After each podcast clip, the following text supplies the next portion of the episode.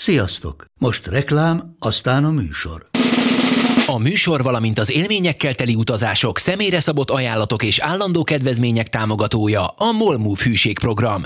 Nyisd meg a Molmove appot, a profilodba belépve add meg a Pogi promóciós kódot, és tankolj Molevo és Evo Plus üzemanyagjainkból 15 forint per liter kedvezménnyel.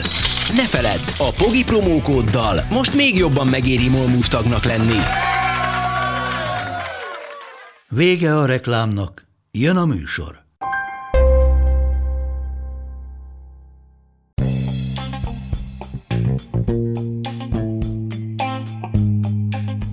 Ez itt a Pogi Podcast. Pogácsa Zoltán közgazdás, szociológus, politikai gazdaságtani podcastja a globális gazdaságról a klímaválság, az automatizáció, a digitális gazdaság, az egyenlőtlenségek és a posztdemokrácia korszakában.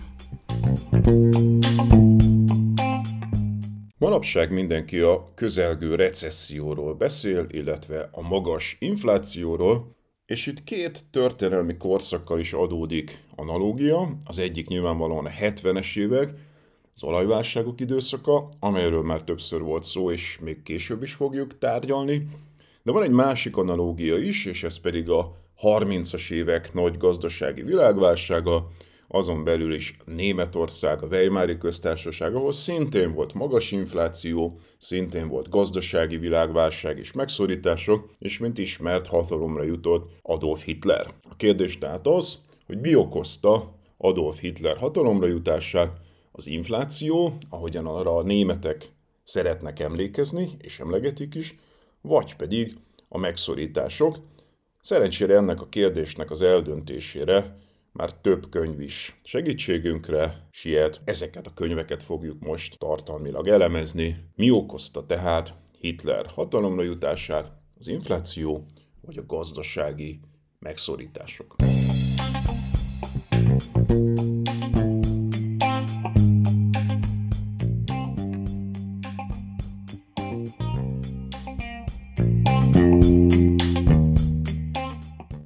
Hitler hatalomra jutását hajlamosak vagyunk pusztán politikai eseményként értelmezni, figyelmen kívül hagyva a gazdasági dimenziót. Alapvető okként gyakran az ilyenkor szokásos kulturalista magyarázatot találjuk meg, a német nép úgymond autoriter néplelkéről, amely narratíva maga is etnicista, determinista beállítódást tükröz. Jobb esetben a fasizmus és a szélsőjobb két világháború közötti erősödéséről beszélnek, ám ez sem magyarázat ezen mozgalmak hirtelen megerősödésére. Szerencsére az utóbbi időkben többen feldolgozták ezt a korszakot gazdaságpolitikai szemszögből is. Frederick Taylor például a Weimári köztársaság hiperinflációját állítja elemzése középpontjába, amely a német középosztály felmorzsolódásához és politikai radikalizálódásához vezetett. A folyamat kezdete az első világháború utáni békeszerződések rendszere volt, ahol Németország számára olyan mértékű háborús jóvátételt írtak elő a győztesek, amit az képtelen volt fizetni. Ezt előre lehetett látni, a híres brit közgazdás John Maynard Keynes például le is mondott a brit tárgyaló delegációban betöltött tisztségéről, és megírta az első világhírű könyvét, a békekötés gazdasági következményeiről, amelyben felvázolja, hogy a német gazdaság újjáéledését megakadályozó jóvátételi tőkekivonásnak az ország destabilizációja lesz a következménye. Ezzel gyakorlatilag megjósolta a Weimári köztársaság szétesését és diktatúrába fulladását. A tudottan káros hatású jóvátételt ennek ellenére ráerőltették a vesztesre, mivel a győztes felek maguk is szorult helyzetben voltak. A britek és a franciák ugyanis a háború alatt maguk is jelentős hadi kölcsönöket vettek fel az Egyesült Államoktól, amelyeket képtelenek lettek volna törleszteni, ha nem kapják meg a németek rendszeres jóvátételi utalásait. Ezt a háború utáni perpétum mobilét csak azt tudta életben tartani, hogy a németek kezdetben maguk is jelentős hiteleket kaptak az amerikaiaktól és nemzetközi tőkecsoportoktól. A helyzetet rontotta, hogy keleten a felső sziléziai iparvidéket egy népszavazás eredményét felülírva Lengyelországhoz csatolták, a nyugati Rúr iparvidéket pedig megszállták a franciák és a belgák, hogy közvetlenül sajtolhassák ki a jóvátételt. Az amerikai hitelek azonban egy idő után elapadtak, teljesen világossá vált, hogy elfogyott a német talpraállásba vetett bizalom. Felgyorsult az infláció, amely aztán hiperinflációba csapott át. Ördögi körként ez hozzájárult a belpolitikai helyzet destabilizációjához, az pedig a további gazdasági bizalomvesztéshez. Egy bizonyos ponton már szabadesés jelleget öltött, mint a drágulás, mind a politikai eszkalálódás. Ebből a korszakból származnak azok az anekdóták, hogy egyesek az értékét vesztett birodalmi márkával tapétáztak, mert az olcsóbb volt, mint maga a tapéta, vagy hogy a zsebtolvajok úgy lopták a pénztárcákat, hogy kiszorták belőle a pénzt, illetve hogy mire a pincér kihozta a kávét, már drágább lett, mint a rendeléskor. A helyzet érdekessége volt, hogy Németország tulajdonképpen a legtöbb dolgot képes volt megtermelni és előállítani, ám az elinflálódott bérekből azt a vásárlók nem voltak képesek ténylegesen megvásárolni. A középosztály talpa alól kicsúszott a talaj, és az uralkodó szociáldemokrata és centrista pártok helyett a szélsőségek felé orientálódtak. Annyira használhatatlanná vált a birodalmi márka, hogy megjelent a barter és a különböző helyi pénzek. A Reichsbanknak, a német jegybanknak azzal kellett szembenéznie, hogy a ténylegesen forgó effektív pénzállomány jelentős részét nem kontrollálja, mert az Notgeld, azaz szükséghelyzeti pénz formájában kerül kibocsátásra lokálisan.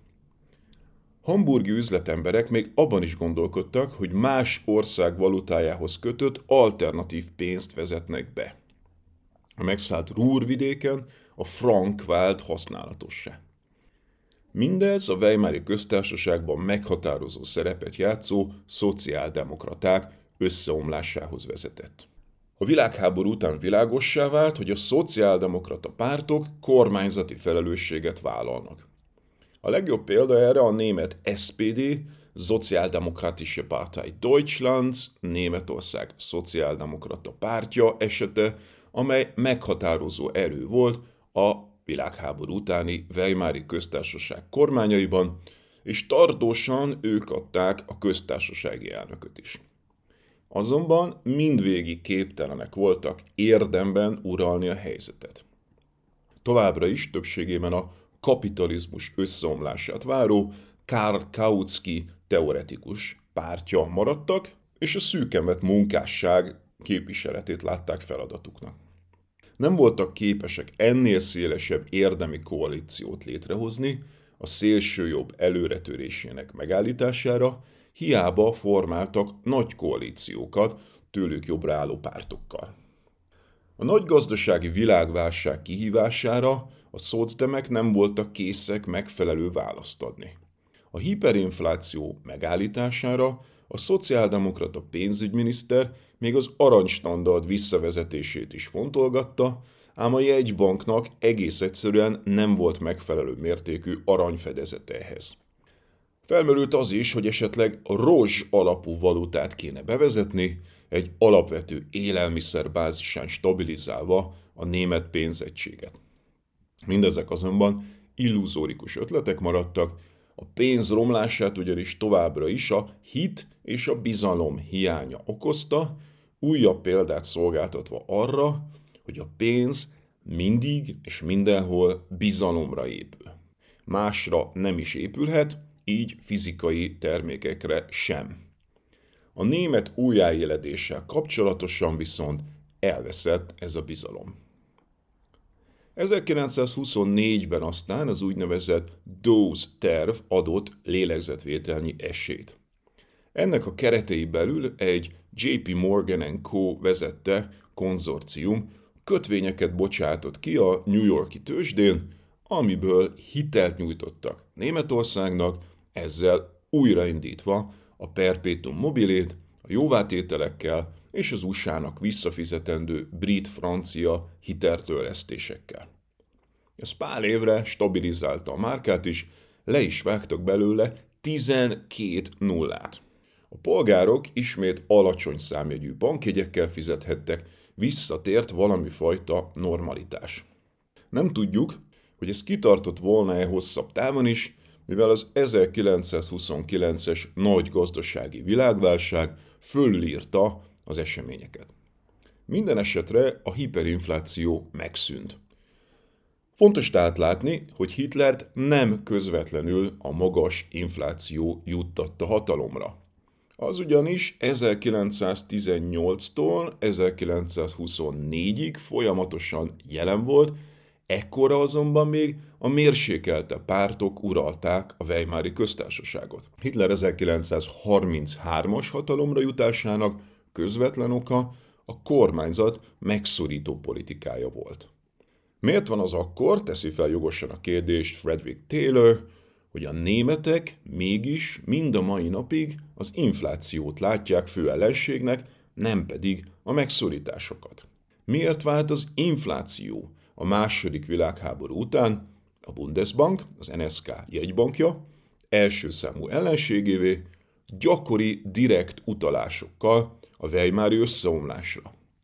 Miért sikerült az intézménynek ugyanezt a prioritást ráerőltetnie később az eurozóna koncepciójára is, és miért vált Németország a megszorítások első számú betartatójává, ha valójában ez utóbbi okozta Hitler hatalomra jutását, nem pedig az infláció. A válasz Taylor abban látja, hogy kikírják visszamenőlegesen a történelmet. Véleménye szerint a német közvélemény gerincét adó Bildungsbürgertum, képzett polgárok, tudósok, tanárok, köztisztviselők, újságírók családi emlékezetében sokkal súlyosabban él az infláció okozta lecsúszás, deklasszálódás, mint a megszorítások. A korábbi polgári élethez képest a szágúdó infláció korszaka, amely egyébként a második világháború után ráadásul meg is ismétlődött, sokkal nagyobb megaláztatás volt számukra azzal, hogy az alsó osztályok életszínvonalára tolta le őket. Ráadásul a megtakarításaikat is megsemmisítette, hiszen az első világháború 154 milliárd aranymárkát kitevő hadikölcsöne, amelyet a hazafias német polgárok adtak össze, gyakorlatilag elolvadt az inflációval. Amikor a 12 nullát levágták a márkáról, ennek a belső adósságállománynak, azaz a német polgárok megtakarításainak értéke mindösszesen 15,4 új fenigre csökkent. 1933-ban a GDP harmadával zuhant, a munkanélküliség 6 millió felé emelkedett. Néhány szocdem képviselő javasolt ugyan egyfajta kényszelőtti kénysziánus keresletélénkítő, munkahelyteremtő programot, ám ezt a szocdem pénzügyminiszter Rudolf Hilferding elutasította. Tette ezt egyrészt fiskális konzervativizmusból, mint a kiegyensúlyozott vagy éppen pluszos költségvetés hívei manapság. Meglepő, hogy Hilferding a marxi közgazdaságtan mestere volt, és a pénzügyi kapitalizmus elemzésével hatalmasat is alkotott ezen a területen. Ám fiatal korában Bécsben ezzel párhuzamosan az osztrák iskola befolyása alá is került. Jóval később, pénzügyminiszterként Berlinben egy polgári demokrácia szociáldemokrata kormányában nem tudott mást kezdeni a rövidtávú kihívással, mint a költségvetés konzervatív kiegyensúlyozását preferálni a munkahelyteremtő keresletélénkítéssel szemben. A Weimári köztársaság utolsó éveiben pedig kívülről támogatta ugyanebben a nacionál katolikus Brüning kancellárt, ezzel gyakorlatilag megágyazva Hitler hatalomra jutásának. Bizonyos szempontból érthető, hogy Hilferding stabilizálásra törekedett, amikor ugyanis átvette az államháztartást, az már teljesen destabilizálódott. A költségvetés megszorításokon keresztüli egyensúlyba hozása azonban pontosan ugyanazokkal a káros következményekkel járt, mint mindig, mindenhol. A közalkalmazottak jelentős részének elbocsátása például radikalizálta ezt az alapvetően megbízható, szolid réteget is. A szocdemek dilemmája feloldhatatlan volt. Kautsky híveiként nem kívánták lassítani a kapitalista gazdaság összeomlását, ám a köztársaság és az elért jelentős jóléti vívmányok megőrzése érdekében mégis erre kényszerültek. Az eredmény azonban nem Hilferdinget igazolta. Az 1932. júliusi választásokon 12 óta először nem a szocdemek kapták a legtöbb szavazatot. 21,6%-kal csak második helyen végeztek az NSDAP, azaz a náci párt mögött, akik 37,3%-ra erősödtek. Némi átmeneti kormányzás és egy újabb választás után 1933. januárjában Hitlert kancellárá választották. Hatalomra kerülés után pedig a nácik a rivális politikai erőket, így a szocdemeket is betiltották. Az ezt követő mérhetetlen emberi tragédia ismert. Ráadásul Hitler később ugyanúgy sikeres keresletélénkítő politikába kezdett, mint Roosevelt Amerikában és más kormányzatok is szerte a világban. Felszámolta a munkanélküliséget, jelentősen javította a munkásság életszínvonalát. Ha ezt a szocdemek tették volna meg 1933 előtt, Hitler sosem került volna hatalomra. Míg a szocdemek ezt békés célokra fordíthatták volna, addig Hitler munkahelyteremtésének nagy részét az újrafegyverkezés és a csapatok szállítására alkalmas autópályák építése tette ki.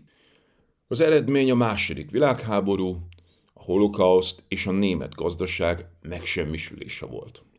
Érdemes azt is megemlíteni, hogy az első világháború utáni jóvátételi rendszer a tárgyalt korszak végére teljesen szétesett. A nagy gazdasági világválság alatt a németek megtagadták a jóvátétel fizetését, a britek és a franciák nem jutottak a pénzükhöz, és így közvetve az amerikaiak sem kapták vissza a háborús hiteleiket. Keynesnek igaza lett, a nagy háborút lezáró béke tarthatatlan volt. A második világháború után a győztesek tanultak ebből, hiába okozta egy kontinens pusztulását, mégsem kényszerítették teljesíthetetlen jóvátételre Németországot. Sőt, egy 1953-as konferencián tartozásainak felét el is engedték, a második felét pedig egy leendő újraegyesítés utáni időszakra ütemezték át. Így lehetővé tették, hogy a világháború utáni nyugat-európai újjáépítésből gazdasági erőt merítve ismét erőre kapjon a Német Szövetségi Köztársaság. Sőt, a 60-as évektől egészen a 90-es évekig tartóan kifejezetten a gazdasági csoda, a Wirtschaftswunder jellemezte az NSK-t, a középosztályi fogyasztói társadalom megerősödése. Sokaknak ezen a ponton eszébe juthat, hogy ráadásul ezen felül még a Marshall tervből is kaptak támogatást. Ennek jelentőség azonban messze felüllőtt. A Marshall terv valójában sokkal inkább az amerikai cégek számára nyújtott export keresletélénkítési program volt, hasonlatosan a mai kínai egy út, egy öv programhoz. Támogatott országok nagyságrendileg ugyanannyit költöttek amerikai fegyverek vásárlására, mint amennyi támogatást kaptak a tervből. A német adósság elengedésének egyébként a mai korból nézve is komoly jelentősége van. Szemben a jelenlegi stabil imázsával Németország ugyanis a múltban az egyik legtöbbször államcsődbe menő ország volt Európában. Ennek fényében más megvilágítást nyer, hogy az eurozóna válságának kezelésében hogyan szégyenítette meg az európeriféria bajba jutott országait. Sherry Berman szerint érdemes a német esetet a svéddel összehasonlítani. A svéd testvérpárt, az SAP, Sveriges Socialdemokratiska Arbetarparti, svéd szociáldemokrata munkáspárt ugyanis elhárította a szélső jobboldal térnyerését. A svéd szocdemek szemben a németekkel felvállalták a keresletélénkítő gazdaságpolitikát, mégpedig már Keynes előtt. Ezzel képesek voltak a munkahelyteremtésre, a gazdasági ciklusok menedzselésére. Egyben elszívták a politikai teret a szélső jobb elől. Ez a protokénciánus gazdaságpolitika Ernst Wigforss nevéhez fűződik, aki 1932 és 1949 között volt pénzügyminiszter, de már korábban is meghatározó szerepet játszott. Szintén keresleténénkítő politikába kezdett az Egyesült Államok Franklin Delano Roosevelt alatt. New Deal nevű programját azonban hamar fölülírta Pearl Harbor és a második világháború. Ekkor a kormányzat számolatlanul finanszírozta a hadikiadásokat. Az amerikai államadóság a GDP 50%-áról hirtelen felment a 120%-ára. Ennek ellenére ebben a korszakban alig volt magasabb az infláció, 13,4%, mint a megelőző időszakban 11,4%. Ez markánsan cáfolja a pénz mennyiségi elméletének dogmatikus neoklasszikus híveit, akik szerint ekkora költekezésnek hiperinflációhoz kellett volna vezetnie. Még érdekesebb, hogy a háborús infláció alacsonyabb volt, mint a háború utáni korszaké, 32%, amikor viszont az adósságállomány drasztikus leépítése folyt. Ismét csak pontosan az ellentéte történt annak, amire a mennyiségi elmélet hívei számítanának.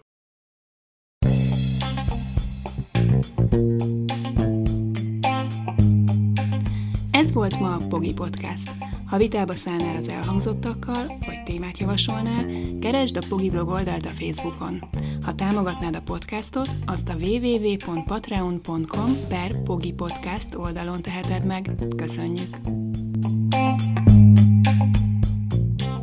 Ha más podcastekre is kíváncsi vagy, hallgassd meg a Béton műsor ajánlóját.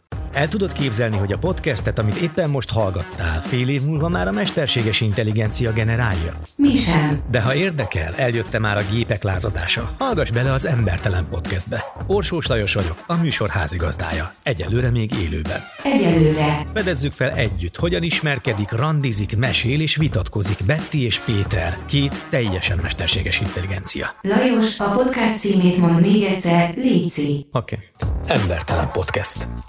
Ez a műsor a Béton közösség tagja.